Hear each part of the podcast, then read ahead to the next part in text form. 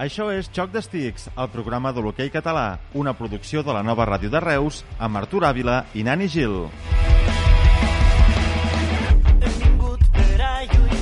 Bona tarda, oients de Xoc d'Estics.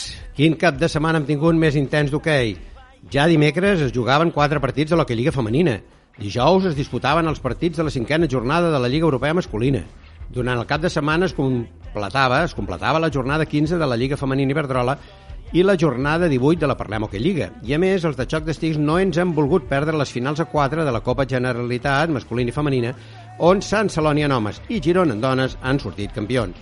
Us ho explicarem tot a partir d'ara i ho farem gràcies al nostre tècnic David Fernández, a Nani Gil, que està pendent de tot aquí a l'estudi, als nostres col·laboradors i col·laboradores escampats pel territori i aquí us parla Artur Ávila.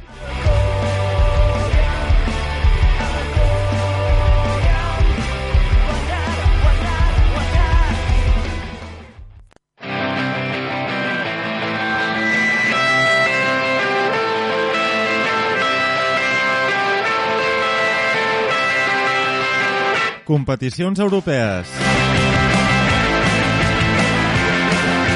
El passat dijous es va disputar la penúltima jornada de la fase de grups de la Lliga Europea Masculina. Una jornada que va veure aquests enfrontaments pel que respecta als nostres representants. En el grup A... Barça 6, Forte di Marmi 0. I Barcelos 4, Liceo 4. La classificació en aquest grup A en cada una jornada queda així. Primer Barça amb 13 punts i amb la primera posició assegurada. Segon Barcelos amb 8 i amb la segona posició assegurada. Tercer Fortidei Marmi amb 4 punts i ja eliminat. I quarta posició per Liceu amb 2 punts i també eliminat. Com veieu, en aquest grup ja serà totalment intrascendent la darrera jornada on el Liceu rebrà el Barça a Riazor i el Forte de Marmi rebrà el Barcelos. En el grup B... Reus 5, Calafell 4. I Benfica 3, Sporting 1. La classificació queda així, líder i ja classificat com a primer Benfica amb 12 punts. Segon, Sporting amb 8. Tercer, Calafell amb 5. I tanca el Reus, que dijous sumava els seus primers 3 punts. I a la darrera jornada del 29 de febrer, l'Sporting que rebrà el Reus i en té prou amb un empat per classificar-se per la propera fase. El Calafell rebrà el líder Benfica i hauria de vèncer i esperar que els seus veïns provincials del Reus li fessin un favor guanyant a pista de l'Sporting de Lisboa. Passem al grup C, on van veure aquests resultats. Lleida 5, Tricino 5. I Porto 9, Tomar 0. Amb aquests resultats la classificació queda així. Líder i ja classificat com a primer el Porto amb 12 punts. Segon el Tricino amb 8 i ja classificat com a segon. Tercer el Tomar amb 5 i tanca aquest grup C el Finca Esprà Lleida amb 2. En aquest grup passa com en l'A, que a la darrera jornada és intrascendent, a no ser que mirem una mica més enllà de la classificació i pensem que el Lleida visita Tomar i de guanyar això suposaria dues coses. La primera és que dita victòria seria la primera que els lleidatans assolirien a la màxima competició europea i la segona és que l'equip del Segrià atraparia a punts al Tomar i li prendria la tercera posició de grup. I finalitzem amb el grup D, on no hi ha representació d'equips de la Parlem Hockey Lliga. Oliveriense 7, Sant Omer 2. I l'Odi 3, Balongo 1. La classificació queda així. Primer, Oliveirense amb 12 punts i ja classificat com a primer.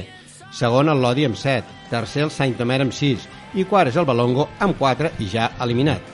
En aquest grup, a la darrera jornada, el Saint Omer d'en Pablo del Río rebrà casa al Lodi i de vèncer faria història classificant-se per quarts de final. Amb tants equips classificats ja es coneixen alguns dels aparellaments de quarts de final. El Barça s'enfrontarà a l'Sporting de Portugal o al Calafell. El Porto s'enfrontarà al Lodi o al Saint Omer. El Benfica s'enfrontarà al Barcelos i l'Oliveirense s'enfrontarà al Tricino. El més destacat d'aquesta penúltima jornada de la fase de grups ja ho heu pogut escoltar. Sis dels vuit equips que estaran a quarts de final ja tenen assegurada la seva presència i, a més, els quatre caps de sèrie, Barça, Benfica, Porto i Oliveirense, són campions de grup a manca d'aquesta darrera jornada. En quant als equips catalans, el Barça és de moment l'equip amb més punts assolits, 13, i dijous passat golejava el Forte de Marmi 6 a 0 amb un hat-trick de Sergi Llorca, un doblet de Joao Rodríguez i un gol de Marc Grau. El trigolejador del partit, Sergi Llorca, feia aquesta valoració al Departament de Premsa del Futbol Club Barcelona. Sí, sabíem que era un partit clau per nosaltres, eh, guanyant, com dius, aconseguim la primera posició i ha sigut un, un repte contra, contra un gran equip, que crec que l'equip ha, ha respost molt bé, ha, hem fet un, un gran joc i, i en tot moment doncs, hem controlat el partit, eh, crec que així s'ha vist a la pista i, i molt contents per, pel resultat, pel, pel treball fet i perquè les coses estan sortint. A Reus tenia lloc el derbi de la demarcació de Tarragona entre un Reus deportiu que ja no tenia cap opció de classificació per quarts i un Calafell que necessitava la victòria per seguir aspirant a fer història i estar a quarts. El derbi va estar a l'alçada del que s'esperava, una part per cada equip, emoció fins al final, alguna polèmica i molta alegria de jugadors, staff tècnic i afició local, molt necessitats de nits màgiques com la que es va viure dijous al pavelló reusenc. La primera meitat va ser de domini calafallenc, almenys pel que fa al marcador. El capità Arnau Chaus batia el jove Nil Vinya, que va ser titular dijous i va tenir una excel·lent actuació. Era el minut 10. Un minut després, Sergi Aragonès empatava per Reusencs per ser novament Chaus qui, a manca de 5 minuts per la mitja part, col·locava l'1 a 2 en què el derbi arribava al descans. I si a la primera meitat havia estat pels visitants, que a part dels gols també van veure com els àrbitres els hi anul·laven un gol, la segona va tenyir-se de color roig i negre i amb un Maxi Orusta i un Ferran Jiménez en modus golejador es passava de l'1 a 2 del descans al 5 a 2 en què el maig entrava en els darrers 9 minuts. O van seguir intentant els penedesencs, que van gaudir de la directa corresponent a la desena d'equip dels Roig i Negres, però Nil Vinya aturava el llançament de Chaus, emportant-se una de les grans ovacions a la nit. Qui s'hi va poder batre Vinya va ser Jan Escala, que a més ho feia per partida doble i posava un inquietant 5 a 4 per l'equip de Jordi Garcia. En els 6 minuts que quedaven podia haver passat de tot. Maxi Oruste va gaudir de la seva tercera bola aturada. Les altres dos les havia materialitzat, però aquesta darrera li aturava Gerard Camps. Al bàndol contrari, Sergi Mides tenia un penal a favor a manca de minut i 23 segons, però no estava acertat i els pocs segons que quedaven es van anar consumint sense que els darrers intents calafallencs, jugant ja amb 5 jugadors de pista, es van quedar en intents i el Reus, que per fi donava una alegria a la seva afició. Després del partit parlàvem amb tres vigolejadors, els locals Ferran Jiménez i Maxi Uruste i el visitant Jan Escala. El Ferran Jiménez, eh, primer felicitats, Ferran. Moltes gràcies, moltes gràcies. Escolta, has fet dos gols, però allò que els castellans diuen golazos. Bueno, sí, content, però més content per la victòria. Tenia moltes ganes de, de, tomar, de tornar a sumar. L'afició s'ho mereix, nosaltres ens ho mereixem, estem treballant molt bé, les coses no, no ens estan donant de cara i la necessitàvem, la necessitàvem molt contents. Això ha de continuar, ha de ser una, una tònica positiva estem contents i a seguir remant i jo ajudar l'equip el que faci falta quan em necessitin i tots junts eh, serem més forts. A més, avui ha sigut al revés, perquè els dies del Benfica i algun altre dia ha sigut primera part molt bona vostra, però avui anàveu, anàveu a remolc i a la segona part doncs, ha arribat aquest desmadre així de, de, de bon hoquei de Reusenc. Sí, la veritat és que sí, portàvem temps sortint a les primeres flars, no sé si en altres fluixos o ells més forts que nosaltres, però bueno, estem contents perquè avui eh, hem sortit forts, estem eh, preparats pels següents partits i a continuar així, que és la bona tònica. Hem tingut un dels bigolejadors, el Ferran, i ara tenim un altre dels bigolejadors, el Maxi Ruste, el que també felicitamos por esta primera victoria en Europa, Maxi. Hola, eh, muchas gracias. La verdad que sí estamos necesitados de, de poder ganar, de encontrar sensaciones, de, de bueno, de, de, coger una buena dinámica. Eh, la verdad que este año ha estado difícil. Eh, no hemos encontrado la, la dinámica que, que, que esperábamos eh, desde el inicio y bueno, eh, lo importante que bueno, se vienen cosas, cosas muy importantes por, por delante, si bien eh, la Champions, bueno, eh, nos quedamos afuera muy rápido, no era lo que queríamos, eh, pero bueno, tenemos que utilizar estos partidos para eso, para agarrar confianza, agarrar esa, esa buena dinámica y bueno, y seguir, como te digo, quedan las cosas más importantes por delante y que son la Copa y bueno y los playoffs de, de Liga, así que estamos a por todo. Y hoy estás inspirado en la, la bola aturada. No sé cómo se ve esto, que estás allí, han pasado, han pasado igual 30 segundos en lo, las dos veces mientras, mientras colocaban a los dos jugadores. ¿Qué se pasa por la mente?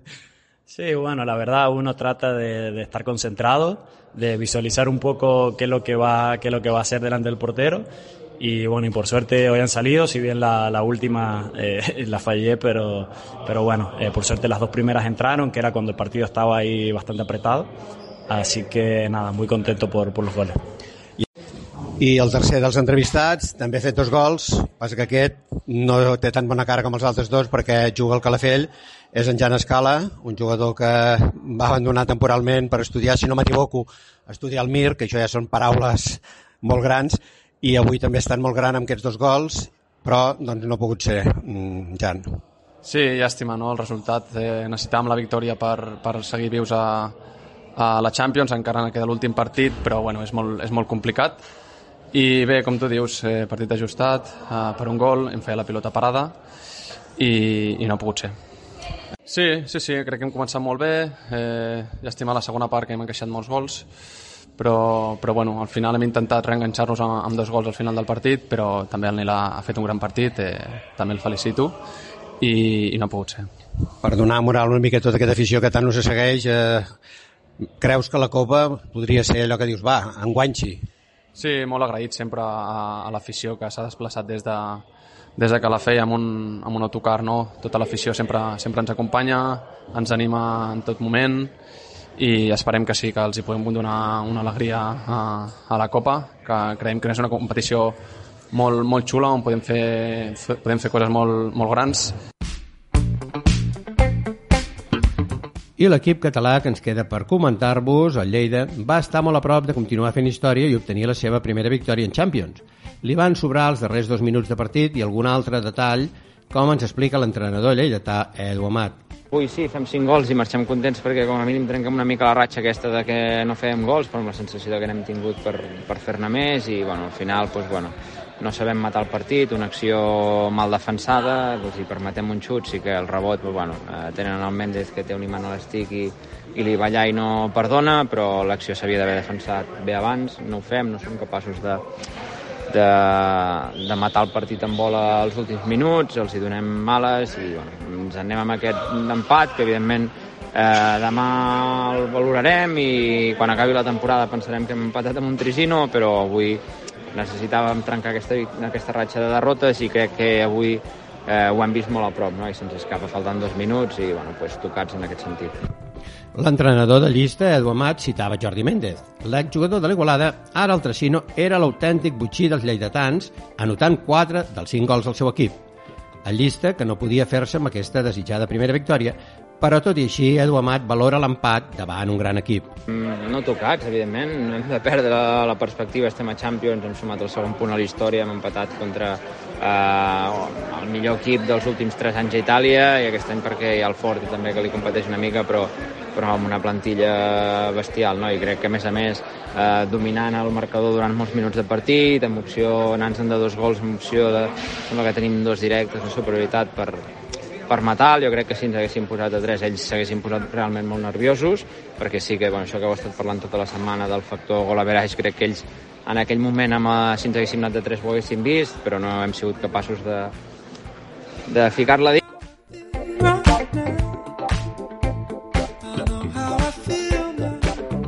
I el dissabte es jugaven també partits de la Copa d'Europa Femenina.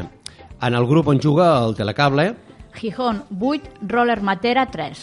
i les asturianes, que són el primer equip en segellar la seva classificació per quarts de final. En el grup del Manlleu, Corunya 1, Manlleu 2. catalanes i gallegues encapçalen la classificació amb 6 punts, mentre que les franceses del Coutràs encara no han estrenat el seu casiller de punts. Queda l'enfrontament entre Coutràs i Corunya i el duel entre Manlleu i, Col i Coutràs. En principi sembla bastant factible que Corunya i Manlleu es classifiquin per quarts. Quedaria saber qui ocuparà la primera posició.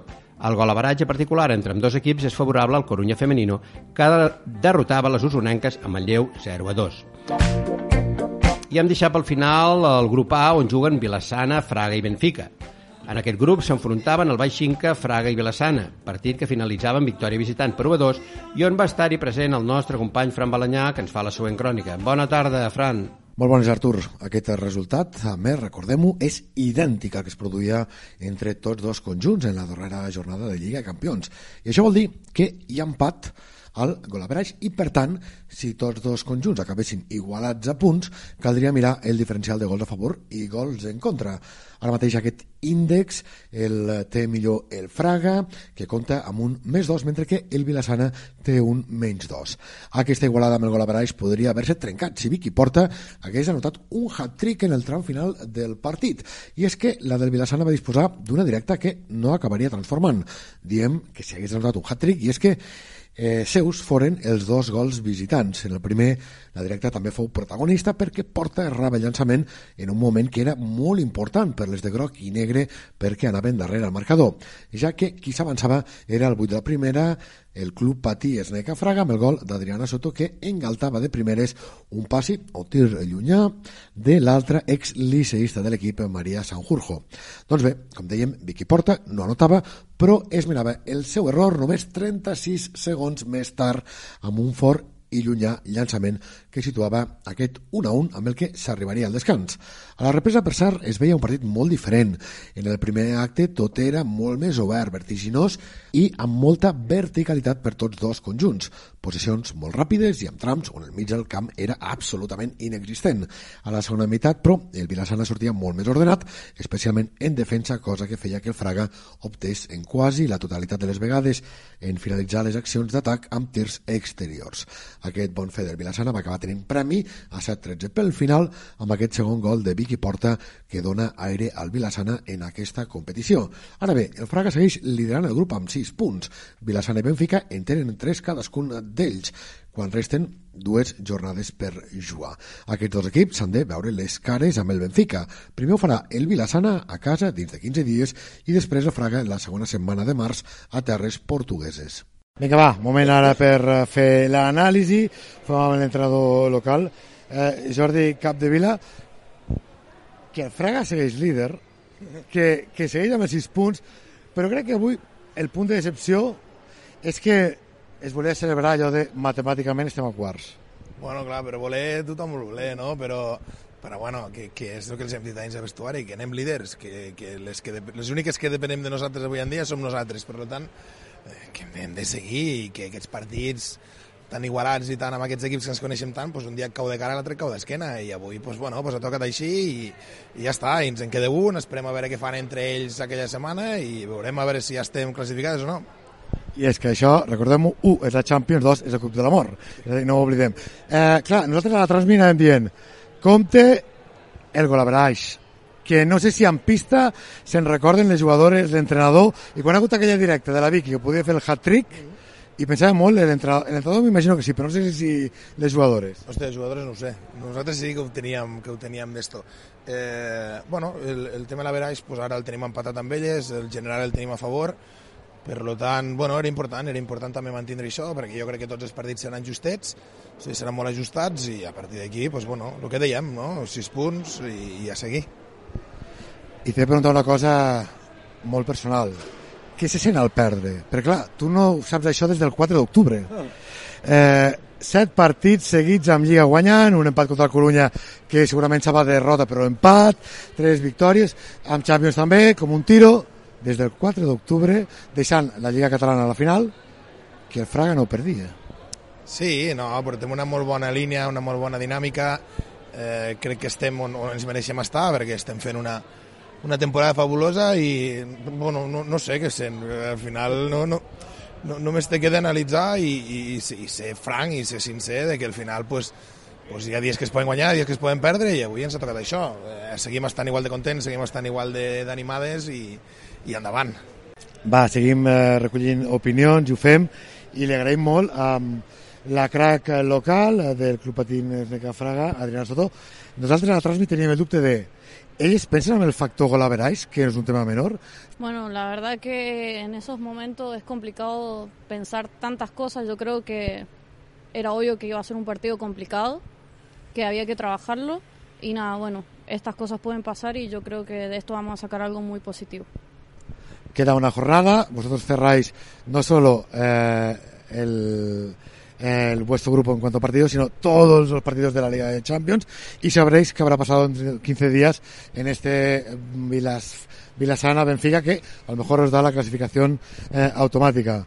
Pero claro, en cualquier caso, pase lo que pase, seguro que en la última jornada, y dependéis de vosotras, eh, os jugáis ser primeras, segundas y ya veremos si estar o no clasificadas. Claro, no es un tema menor, primero que segundo, con un telecable que ha hecho los deberes, recordemos, campeonísimas de todo, el único título de este año ganado, los cuatro del año anterior ganados. Vale, sí, eh, la verdad que es complicado, yo creo que cualquier equipo en estas instancias es complicado, pero però bueno, vamos a trabajar y vamos a llegar de la mejor forma. Gràcies, Fran, per informar-nos tan brillantment d'aquest apassionant Fraga 1 Vilassana 2.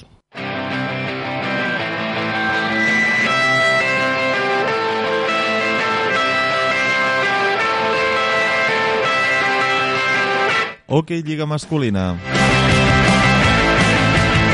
L'Hockey Lliga Masculina disputava la jornada de 8 i va oferir-nos aquests resultats. Sant Just 3, Caldes 3. Alcoi 1, Voltregà 3. Liceo 4, Mataró 0. Noia 4, Reus 4.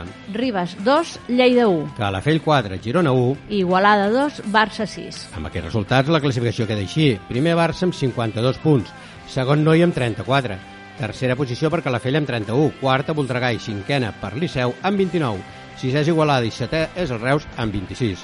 Amb 24 trobem el Sant Just, amb 22 el Coi i Caldes, amb 18 el Girona, amb 17 Ribes i Lleida i tanca el Mataró amb 8. Deixant a part la lliga particular que juga el Barça contra ell mateix, aquest Hockey Lliga 2023-2024 en segueix oferint forces emocions. A Sant Sadurní, dos dels grans, no i a Reus empataven a 4 en un partit amb empats a 1, a 2, a 3 i el definitiu a 4. El Liceu, que golejava el Coe Mataró, ja treu el cap als llocs capdavanters.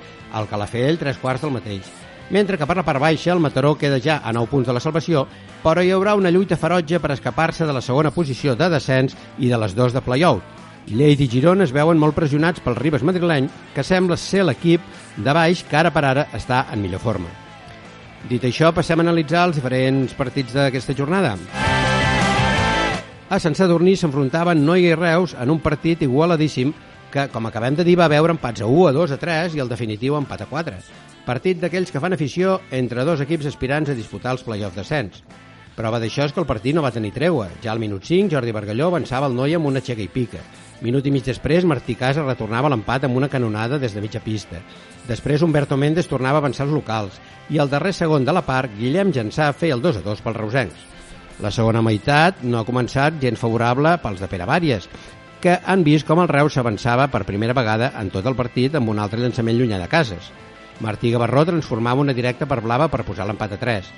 I Toni Salvador sorprenia Càndid Ballar amb un llançament llunyà, avançant de nou els cavistes. Però només 15 segons més tard, Max Xuruste aprofitava una bola morta dins l'àrea i posava el que ja seria el definitiu empat a 4. Al final del partit, el nostre company de Ràdio Sant Sadurní, Jaume Boquera, parlava amb l'entrenador local, Pere Vàries. Estem en Pere Vàries, final d'aquest partit, 18a jornada, un puntet, Pere. Sí, un puntet, un puntet i gràcies.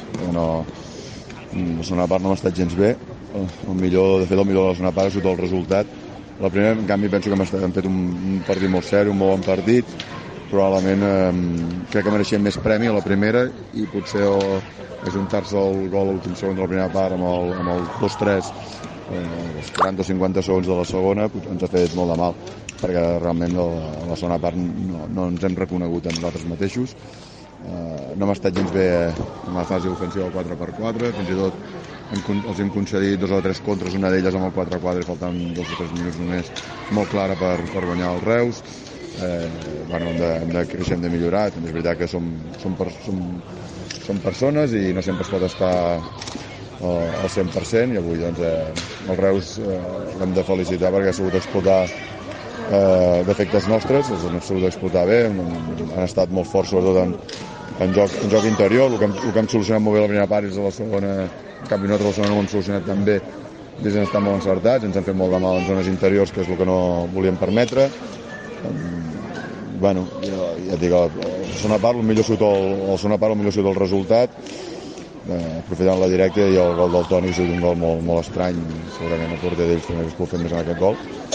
És el que, bueno, és el que hi ha, quan no, quan no jugues bé però sumes, doncs com a mínim eh, alguna de positiu podem treure i, i millor rectificar coses des de, des de sumar que no pas des de, des de perdre. I en aquest cas doncs, el, el Reus el pot considerar un rival directe eh, doncs no, no ens escurça distàncies a la, a la classificació, li mantenim gol a baràs, per tant, eh, contents per, per això, però evidentment hem de, hem de créixer en, en el joc a la, perquè no la segona part no, no, hem d'intentar que no repeteixi a Voltregà. Uh, s'han fet, ells han fet dos gols una mica de sort, el que deies tu del Toni l'ha tocat algú jugador del Reus també podríem dir una mica de sort en aquest uh, aspecte queden 10 dies ara per, per posar els jugadors una mica més en òrbita vols dir o com ho veus? Bueno, eh, hem de partir de la base que nosaltres anem segons però perquè hem fallat menys que altres equips però la, la Lliga està molt igualada per tothom per nosaltres també, nosaltres no som, no som eh, no estem per tirar o sigui, sí, sí que som un bon equip eh, però no considero millor que altres rivals com Reus, Liceu, Calafell, no sé, Voltregà, ah, nosaltres tenim un bon equip, però no, no, la Lliga és molt competitiva. Caldes, per exemple, que té un tros de plantilla, no sé, és que segur que me'n deixaria algun, l'Igualada, que està, Jojo està fent una bona temporada. Aquí ningú regala res, és molt difícil, nosaltres vam perdre, per exemple, a Girona, aquest mateix equip, eh, el Reus a, a casa va empatar el Girona, per exemple, o, o és que no, és molt difícil, va perdre Lleida, i que està ara mateix a la part baixa, però també serà un rival dur, duríssim, nosaltres vam empatar l'últim segon, per tant, està tot molt, molt igualat, si d'aquesta igualtat doncs, de moment nosaltres eh, en sortim beneficiats, doncs fantàstic, el que estem, el que estem fent nosaltres. Pues mira, si el fet de no perdre permet sumar un punt, evidentment volíem els tres, però no, no se'ns apropen en la, en la classificació doncs hem d'agafar aquesta, aquesta lectura positiva. Dir, jo penso que l'equip ho, ho, ho, ha intentat, eh? no, no sé per què no ho hagi intentat, però evidentment hi ha dies que no estàs tan bé, hi ha dies que no interpretes tan bé el que necessites, eh, doncs hi ha moltes coses, evidentment la baixa del Xavi Corre, pues, pues, nosaltres no, eh, sí, trobem a faltar tots els jugadors que no hi són i, i, i, i, i evidentment com a equip no els hauríem de trobar a faltar, però, però no, no ens sobra ningú, nosaltres per exemple pues, és un gran més de, de, de sorra perquè aquest tipus de partits amb el Xavi i l'Ivan competeix molt bé, eh, segurament haguéssim trobat altres solucions en alguns altres, en els altres aspectes, però, però és el que hi ha, no, no, no, no podem plorar perquè el Xavi no hi és, per tant eh, sense el Xavi hem d'intentar guanyar i amb això intentarem fer-ho també a Voltregà la propera setmana. Molt bé, Pere, seguirem parlant. Gràcies. A les Comes d'Igualada, l'equip de Marc Montaner rebia el líder Barça, un Barça que continua el seu passeig triomfal i s'imposava 2 a 6. Ara el nostre company de Ràdio Igualada, Jordi Quintana, ens explicarà si la diferència va ser tanta entre uns i altres. Bona tarda, Jordi. Hola, Artur, bona tarda. Va ser un resultat molt enganyós. Tenim present que el Barça guanyava per només 2 a 3 quan faltava poquíssim per acabar el partit. I és que els arlequinats van fer una bona primera part. El Barça es va avançar als 10 minuts amb un gol de Marc Grau, però els igualadins no es van descentrar i dos minuts després Nil Cervera va fer l'1 a 1. Aquest resultat es va mantenir fins al descans. A la represa, el partit va seguir igual d'emocionant. El Barça es va tornar a avançar amb un aparatós 1 a 3 amb gols de Sergi Llorca i Pau Bargalló. Era el minut 10 de la segona meitat. Ara bé, de seguida, Roger Bars va aconseguir el 2 a 3, que tornava a posar emoció a l'enfrontament. Quan semblava que els igualadins estaven capacitats per empatar, va arribar el moment fatídic als últims instants. Al darrer minut, els blaugranes van marcar tres gols més, obra de Pau Bargalló i Joao Rodríguez, que en va fer dos, que deixaven el resultat amb el 2 a 6 definitiu. I al final del partit, que el nostre company de Ràdio Igualada, Jordi Quintana, podia parlar amb un dels jugadors més destacats de l'Igualada, en Roger Bars. Hola, Roger. Bona tarda. Què? Estem, estem molt fotuts o, o esteu contents pel partidàs que heu fet? Jo estic emprenyat, la veritat, amb els últims minuts. Eh, sobretot, eh, sóc molt crític individualment i, i crec que individualment ho hagués pogut gestionar millor, també. I, i res, al final ells no perdonen i, i no ho han fet. Per què estàs tan enfadat, bàsicament? Bueno, per la gestió dels últims dos minuts. Crec que individualment, eh, sobretot, eh, ho hagués pogut fer millor i, i sóc crític amb mi mateix però bueno també eh, tocarà veure els errors i, i que no tornin a passar. És veritat que quan està 2 a 3 eh, és a punt de sortir el Guillem Torrents de porter i posar el cinquè jugador però es marquen una falta directa que una targeta blava que l'acaba marcant el Barça i això es condiciona moltíssim. Sí, bueno, aviam, no... Sempre que jugues contra el Barça una mica Eh, no és l'excusa, però els àrbits juguen una mica condicionats amb això, però ja ho sabem i des del primer minut que hem sortit a jugar ja ho sabíem i, i bueno, crec que hem plantat cara fins als, com t'he dit, els últims dos minuts. Uh, avui heu fet un partidàs uh, amb global, uh, queda el 2 a 6 eh, i evidentment queda la derrota contra el Barça però avui heu jugat, vaja, m'ha semblat que heu competit de tu a tu amb el Barça fins al punt de que l'entrenador del, del, del Barça no, no estava acostumat a aquest, aquest escenari. Bueno, era l'objectiu, no? Eh, l'objectiu era guanyar el partit i ho hem intentat fins al, als últims dos minuts que, que se'ns ha anat. Però no, com a capità de l'Igualada no et dona... És a dir, aviam, deixant de terme... Sí, tot sí, està darrere. clar que tu veus la grada i t'emociones, eh, dona gust jugar així, però per molt que la gent estigui així, tu vols guanyar amb la gent així. Si perds, doncs eh, jo ara mateix, com t'he dit, estic emprenyat eh, i, i no sé, o sigui, no decepcionar no és la paraula perquè ja tenim partit la setmana que ve aquí i segur que la gent no ens fallarà i ens tindrà a animar però vulguis o no vols que, vols que la gent disfruti i, i com a esportista jo vull guanyar.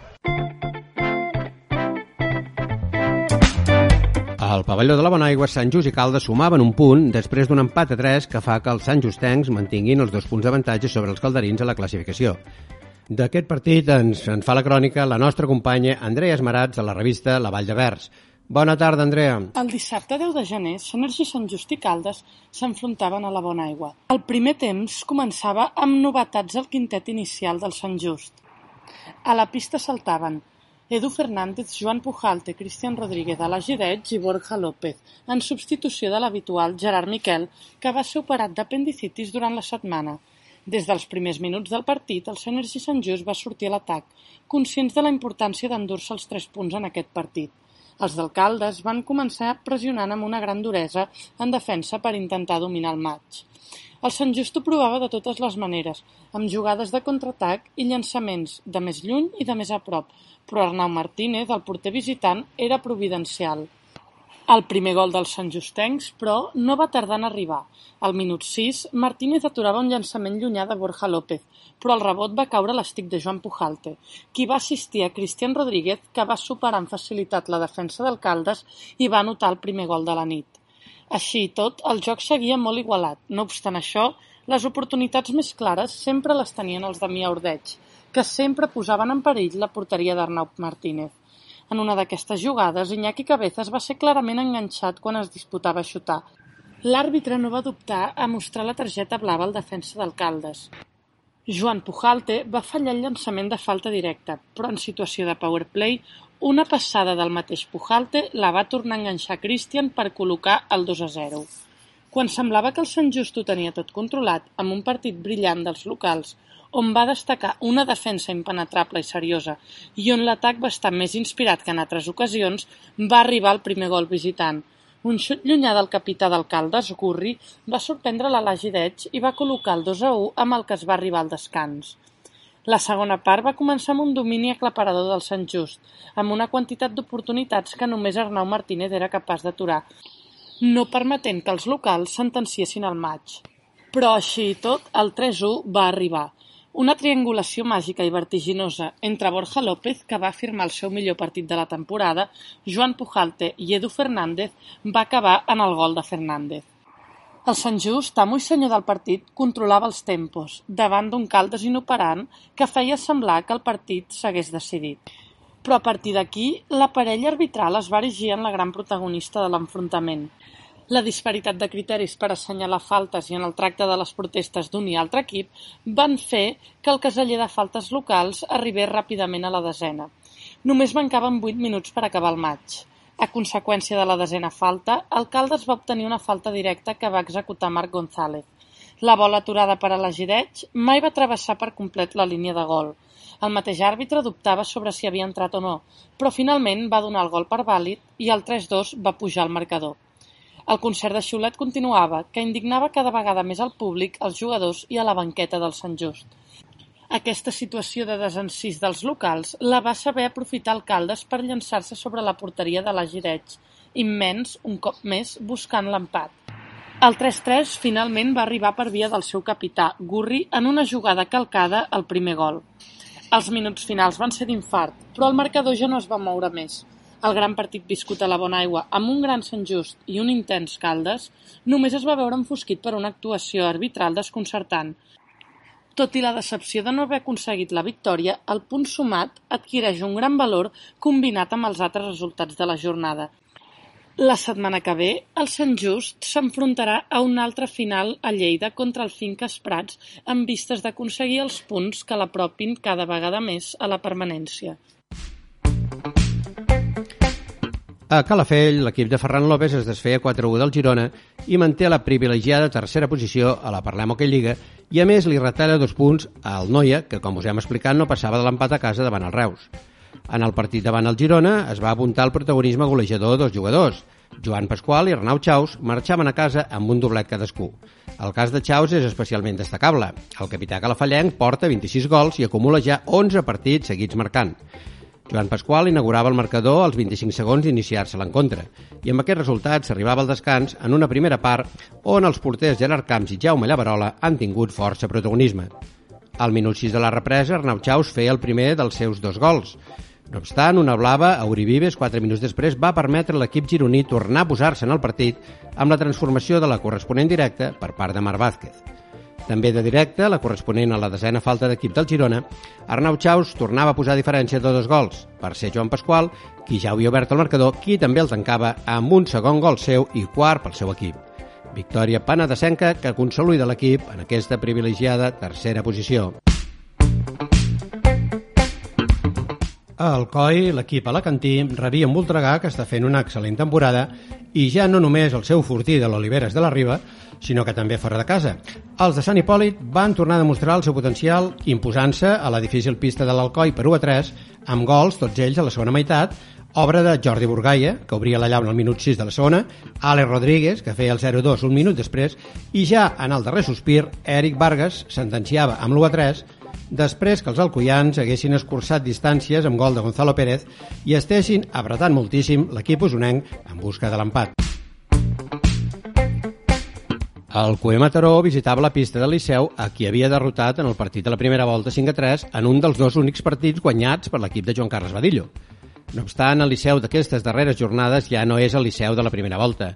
Els gallecs ja han agafat la seva dinàmica habitual guanyadora i, a més, en el partit davant el Mataró s'hi va afegir el bon estat de forma de César Carballeira, que feia el segon el seu segon hat-trick consecutiu en Lliga i es convertia en el veritable líder liceïsta. El primer dels seus gols arribava ja al minut 4, penal favorable a l'equip corunyès i César, que ajustava la bola al pal dret de Sergi Graner, posant-lo a 0. D'aquí a l'equador de la part, en què Carballeira feia el segon pels gallecs, els mataronins van apropar-se alguna que altra vegada a la porteria de Martí Serra, mitjançant llançaments, principalment de Javi Burguillos, però que no van inquietar en excés el porter català del Liceu. Amb el 2 a 0 s'arribava al descans, tot i que per part local Pereira, Pellissari i Tombita gaudien d'ocasions i Lluc Vilà s'apuntava a la millor dels mataronins, que més van estavellar dos boles al ferro. A la sortida de vestidors, el Liceu no va fluixar i Fabre Chiocale i Pablo Cancela podien haver ampliat distàncies. No va ser així i qui sí va poder tornar a batre Sergi Graner per tercera vegada va ser César Carballeira. Amb el partit sentenciat, el públic local va poder celebrar també un darrer gol molt vitorejat que notava Pablo Cancela, que havia estat qui més havia buscat aquest premi del gol en el que portàvem de partit. Final 4-0 per un Liceu que ja treu el cap pels llocs capdavanters de l'Hockey Lliga. El Lleida visitava la pista del Ribes madrileny on queia derrotat per 2 a 1. Derrota que complica les coses a l'equip d'Edu Amat, que ara veu com el seu rival de diumenge, el Ribes, l'atrapa a punts a la classificació, deixant els llistats en posició de descens. Primera part igualada que finalitzava amb empat a 0. La segona començava amb un penal a favor per l'equip llistat que el porter Marc Castanyer li aturava Jordi Badia. Un Marc Castanyer que tornaria a ser protagonista uns minuts després en veure una blava. La directa la llançava Sergi Folguera, però tampoc podia batre el porter reserva Jorge Nájera. A manca de 10 minuts pel final, els del Segrià arribaven a la desena falta d'equip. Edu Amat feia sortir el porter reserva Javi Sánchez per intentar aturar la directa. Suposem que per allò psicològic que Sánchez havia jugat al Ribes. No obstant, Curro Fernández Ávila no perdonava i per fi obria la llauna d'un partit on els primers 40 minuts els porters, especialment el lleidatà Martí Zapater, s'havien encarregat que el marcador no es mogués. L'esperança pels catalans era la novena falta en què es col·locaven els madrilenys a manca de 4-13 pel final. Els lleidatans apretaven i buscaven una desena falta madrilenya que no arribaria pas. A manca de pocs minuts, Edu Amat ha posat el cinquè jugador de pista, cosa que ha aprofitat el català del Ribes Bernat Lleste per fer el 2 a 0 a porteria buida, a manca de 52 segons pel final, amb un llançament que ha creuat tota la pista. El gol, que escurçava distàncies pels llistats, arribava ja massa tard. Quedava només dos segons quan Jordi Badia podia batre per primera i única vegada el porter local. Final 2 a 1 per un Ribes que ha sumat 12 punts l'any 2024. Ens fan una valoració d'aquest partit per part local, el català del Ribes, Àlex Josep, i per part visitant l'entrenador lleidatà, Edu Amat. Bé, eh, contents perquè al final ha sigut un partit molt complicat, eh, també tenia molta transcendència en la classificació, i nosaltres sabíem que venia un gran equip, no?, que està fent uns, grans partits contra equips eh, champions europeus de, dels més top i després que al final a la Lliga ara no se'ls estan donant els resultats però no deixa de ser un equip que proposa molt ofensivament i, i té grans jugadors i al final nosaltres el que buscàvem era limitar-los al màxim possible eh, i arribar al final a emocions de que se'ns pogués decantar cap al nostre costat, proposant també una mica el, el nostre joc, sobretot aquí a Ribes. I bé, eh, s'hagués pogut decantar cap als dos costats, per sort se'ns ha decantat cap al nostre, i, i mira, doncs, tres punts que per nosaltres valen or. Ara mateix nosaltres sí estem en, en bona ratxa, però al final eh, seguim treballant igual que treballàvem des del primer dia i l'única diferència és que ens, se'ns estan donant els resultats que, que abans no se'ns donaven, ja sigui bé perquè anem polint detalls i anem creixent com a equip, o bé per aquest, aquest punt de sort que al final pues, t'entra una falta directa, no t'entra, t'entra aquest xut, no t'entra.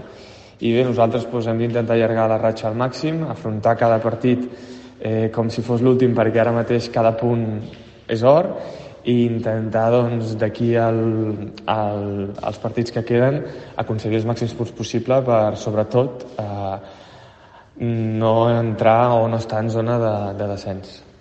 Penso que és un partit que sabíem que es definiria pels detalls i podríem dir que, que no hem estat encertat en, en aquest sentit. No? Eh, crec que l'equip ha, s'ho ha deixat tot, ha fet un partit on, on no ha parat de buscar els tres punts, però la falta d'encert i, i, les, i els petits errors on, o, o que el detall no ens caigui del nostre costat doncs ha tornat a fer que, que tornem a marxar amb una derrota, amb un partit on tenim la sensació de que, bueno, que potser estan una mica més encertats de cara a porteria, el resultat final hagués pogut ser diferent, també som conscients que ells tenen poques, menys ocasions però les tenen molt clares, llavors això és símptoma de que, de que els hem donat unes facilitats que sabíem que avui no els hi podríem donar.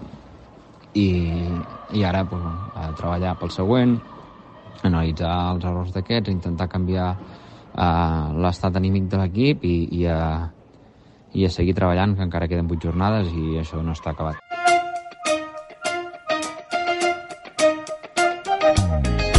Acabarem aquesta anàlisi de l'hockey Lliga Masculina amb la classificació de Pichichis i la propera jornada. La classificació de màxims golejadors l'encapçala Joao Rodríguez del Barça amb 33 gols. Segon és Arnau Chaus del Calafell amb 26. Tercer és César Carballera del Liceu amb 23. Quart, Jordi Burgaia del Voltregà amb 19. I cinquè, Àlex Rodríguez també del Voltregà amb 17. Propera jornada que veurà aquests enfrontaments. Girona Ribes, Barça Calafell, Caldes Liceo Mataró Alcoi i Lleida Sant Just. Tots aquests partits es jugaran en cap de setmana, mentre que els dos restants ho faran dimecres dia 21 de febrer i són Voltregà Noia i Reus Igualada.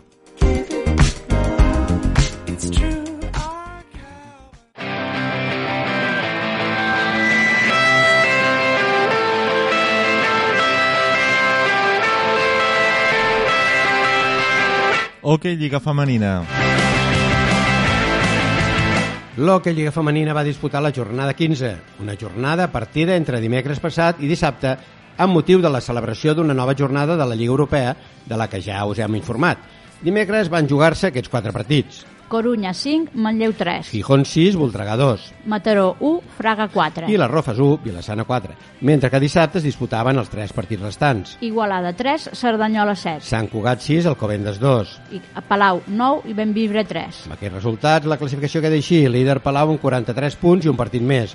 Segon Vilassana amb 37. Tercer també amb 37, Gijón. Quart el Fraga amb 36. Cinquè Corunya amb 24. Sisè Manlleu 23. Setè Cerdanyola 22. Vuitrè Voltregà amb 21 i un partit més. Novè Mataró amb 19. Benvibre amb 15. Segueix Sant Cugat amb 14. Amb 8 punts, tercers per la cua, Club Patí les Rofes, penúltim Igualada amb 7 i tanca l'Alcobendes amb 0. En la mini jornada de dimecres guanyaven el segon, el tercer i el quart classificat, Vilassana, Gijón i Fraga, i Kei el cinquè, Manlleu, a pista del sisè Corunya, que amb la victòria es col·loca cinquè. El Vilassana mantenia la seva segona posició en imposar-se per 1 a 4 a pista del Club Patina Rofes, on les del Pla d'Urgell no van donar opcions en cap moment a l'equip madrileny i amb el doblet de Dai Silva, el gol i les dues assistències de Luchi Agudo i el gol de Vicky Porta en un moment clau, marxaven de la Comunitat de Madrid amb 3 punts més que les mantenen vives en les seves aspiracions pel títol. Al primer minut de joc, la local Anna Orche avançava l'equip, l'equip d'Ivan Montoro, però només un minut després, us ho dèiem fa un moment, gol en uns moments claus de Vicky Porta que retornava l'empat al marcador. Encara dins la primera meitat, Dai Silva feia l'1-2 i sentenciaven els vols al minut 5 de la segona Luchi Agudo i Dai Silva amb dos gols molt seguits dels que ja no van poder recuperar-se les madrilenyes. El, El tercer classificat, amb els mateixos punts que Vilassana, Telecable Gijón, guanyava al seu pavelló Mata Jove 6 a 2 al Voltregà. Un partit que va tenir una emotiva part prèvia amb la retirada de la samarreta número 2 del Telecable, samarreta que pertanyia a l'ara entrenadora de l'equip Taixalí. En quant al partit en si, Sara Rozes i Marta Piquero posaven en avantatge l'equip de l'homenatjada Taixalí, Esther Vistor retallava distàncies de falta directa al minut 9 i amb aquests resultats s'arribava al descans. Ja a la segona meitat, les asturianes posaven una marxa més i amb gols de Marta Piquero de penal i de Judit Covian en els primers 5 minuts deixaven encarrilat el partit. Núria Almeida ampliava distàncies més tard i tot i que Anna Bosch feia de falta directa el segon per les usonenques, Sara Rozes tancava la golejada local amb el sisè gol a manca de 7 minuts. Hem repassat les victòries de, de segon i tercer classificat. També guanyava el quart, que no és altre que el Fraga, un Fraga que s'imposava al pavelló Jaume Pareda de Mataró per 1 a 4, tot i que és de justícia apuntar que els dos darrers gols arribaven dins el darrer minut. La primera meitat acabava amb un mínim 0-1 i amb una bola aturada no transformada per equip. Qui primer gaudia d'una directa era Aina Leonard per part local, Només havien transcorregut 90 segons de joc i una blava a la fregatina Adriana Soto suposava aquesta citada directa no materialitzada i els dos posteriors minuts de superioritat mataronina que l'equip d'Oriol Perarnau tampoc va poder aprofitar. Encara amb l'empat a 0, Aina Archer tenia un penal a favor, però tampoc podia obrir el marcador. Qui s'hi oferia seria la seva companya Joana Xicot al minut 16 i amb aquests resultats s'arribava al descans. A la segona meitat es repetiria la història en quant a les boles aturades – penal pel Mataró, que Anna Ferrer aturava a Carla Naranjo, i després penal pel Fraga, que ara sí aprofitava Ariana Soto per doblar l'avantatge a l'electrònic. I quan semblava que el partit estava totalment controlat per l'equip de Jordi Capdevila, un gol de Nina Almirall a minut i 47 segons pel final retornava les esperances de l'equip català de salvar almenys un punt davant un dels grans de l'hoquei Lliga Femenina. No obstant, amb unes mataronines llançades totalment a l'atac, Maria Sanjurjo i Regina Flix aprofitaven els espais per posar dos gols més al seu casiller, deixant aquest definitiu 1 a 4. El Corunya guanyava el Manlleu 5 a 3 en un partit en què les catalanes s'avançaven per dos vegades en el marcador i on les gallegues agafaven distàncies a la segona meitat.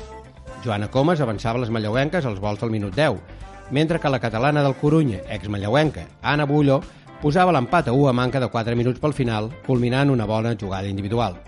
Només reiniciar-se el joc, Joana Comas tornava a avançar el Manlleu, però l'equip usonenc no va poder fer res davant el hat-trick d'Alba Garrota i el doblet d'Anna Bulló. Era Alba Garrota qui tornava a igualar el marcador en transformar un penal, per ser posteriorment ella mateixa qui capgirava lluminós posant el 3 a 2 després d'una excel·lent acció de Gaete. El festival Garrota-Bulló no s'acabava aquí, la catalana posava el 4-2 des del punt de les directes i poc després Garrote el 5-2 en una de les seves genialitats. Quan només quedaven 24 segons de partit, Marlene Rubio feia pujar el definitiu 5-3 que poc servia ja a l'equip de Jordi Guada. Fins aquí els partits que es van disputar entre setmana. En quant als tres que restaven i que van jugar-se dissabte, el líder Palau golejava 9-3 al Benvibre amb un pòquer de gols de la Fitxitxi de la Lliga Ina Florença, que més va apuntar-se també 3 assistències. L'equip del Bierzo només va inquietar les Vallesanes quan al minut 10 de la primera part Pia Sarmiento igualava el gol inicial fet per Berta Busquets i quan encara dins la primera meitat Bea Barceas tornava a anivellar l'electrònic, ara a 2, després que Mariona Colomer hagués posat el 2 a 1. A partir d'aquí, les líders de l'Hockey Lliga ja no es deixarien sorprendre més i un gol d'Aina Florença de falta directa i un d'Amy Blackman deixaven un 4-2 al descans força tranquil·litzador per l'afició local. Novament, Pia Sarmiento marcava per les lleoneses, però reaccionaven immediatament les de Palau, que amb gols de Berta Busquets, Laia Juan i tres més d'Aina Florença arredonien la golejada. El dia després d'aquesta victòria teníem ocasió de parlar amb la Pichichi Aina Florença, que li deia això a la nostra companya Nani Gil. Tenim amb nosaltres a Aina Florença, jugadora del Palau, i Pichichi de l'Hockey que ahir feia un pòquer de gols eh, davant del Benvibre. Felicitats, Anna, i quatre gols més al Serró d'ahir amb el Benvibre. Com ho veus? Com va anar? Bueno, va ser un partit que la primera part sobretot ens va costar molt, eh, no va, el vam encarar com nosaltres volíem, però després a la segona part el vam sentenciar i crec que, que vam demostrar que realment un partit com el d'ahir doncs, eh, l'havíem de guanyar.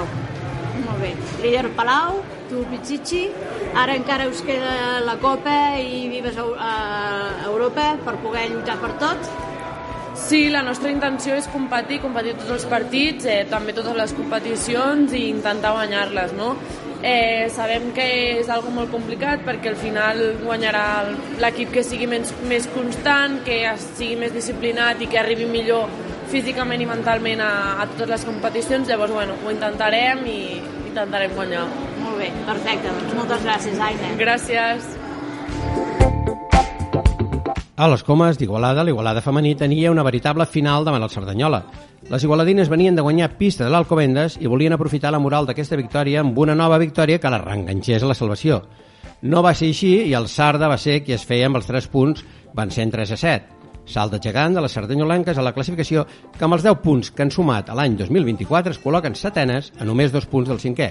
La capitana sardanyolenca, Gemma Solens, feia aquesta valoració. Se'ns ha posat de cara molt al principi, hem pogut fer dos gols ràpids i ens hem mantingut així fins arran d'acabar la, la mitja part, que ens hem posat 1 a 5, i tot i que a la segona potser ens hem relaxat una miqueta i s'han pogut posar 3 a 5 al marcador, hem pogut reaccionar i posar el 3 a 7 final. I acabem la informació d'aquest partit amb una notícia de darrera hora. L'entrenador de l'Igualada femení, Jordi Mier, deixava de ser entrenador de l'equip a les darreres hores. Ens ho explica el president, del, el president del club, Jordi Besa. Jordi Besa, bona tarda. Bona tarda. Bé, doncs ja heu destituït l'entrenador, el Jordi Mier. Uh, imagino que el detonant és aquest uh, 3 a 7 que veu patir a casa i uh, amb el fet de que porteu 7 punts a, a, a la classificació. Bueno, uh, és una situació incòmoda, com sempre, desagradable, però per mutu acord doncs, vam, vam acordar doncs, això que, com diu ell, que fem canvi de cromos i, i a partir d'aquí esperant, esperant que, que, que em trencar aquesta, aquesta dinàmica de joc i a veure si carai, som, surten ja les coses i marquem més gols i tenim més opcions. El Sant Cugat rebia el Cué Alcobendes, a qui col·legiava 6-2, amb tres jugadores que feien un doblet, Laura Porta, Txell Jimeno i Alba Ambrós. Primera victòria del Sanco amb Borja Ferrer a la banqueta i també primera victòria de l'any 2024. El partit no va decidir-se per l'equip ballesà fins la segona meitat. La primera havia finalitzat amb empat a dos, després que l'Alcobendes igualés per dos vegades els gols catalans. Laura Port obria la llauna al minut 10, Maria Castelo empatava per l'Alcobendes, Txell Jimeno feia el 2 a 1 i només a cada gol les madrilenyes tornaven a empatar. A la segona meitat, el Sant Cugat va imposar la seva superioritat i Laura Porta només reiniciar-se el joc. Alba Ambrós al minut 9 i 11 i Txell Jimeno al 21 deixaven aquest resultat final de 6 a 2 que permet l'equip de Borja Ferrer agafar aire a la taula classificatòria. Ens fa una valoració del partit una de les vigolejadores, Txell Jimeno. Va ser un partit eh, bastant controlat dins del que cap, eh, tot i que bueno, el, el, els dos primers gols que fem ens els empaten eh, molt ràpid, a l'1-1 i al 2-2, i allà sí que ens posem una mica nervioses potser, però ho sabem gestionar bé i, i anem al descans amb aquest resultat, però sí que a la segona part doncs, eh, ens comencen a entrar els gols i, i també doncs, anem agafant una mica més de confiança.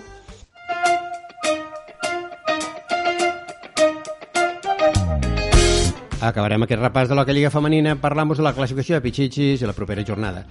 La classificació de Pichichis encapçala Aina Florença del Palau amb 28 gols, segona Gemma Soler Cerdanyola amb 20, tercera Lutxegú del Vilassant amb 19, quarta Vicky Porta també del Vilassant amb 18 i cinquena Sara Rofes del Gijón amb 17. La propera jornada serà aquesta. Ja va jugar-se el Voltregà 1 Palau 2. Igualada Coruña, Fraga Gijón, Vilassana Mataró, Cerdanyola Sant Cugat Alcobendas Las Rozas i Benvibre Manlleu.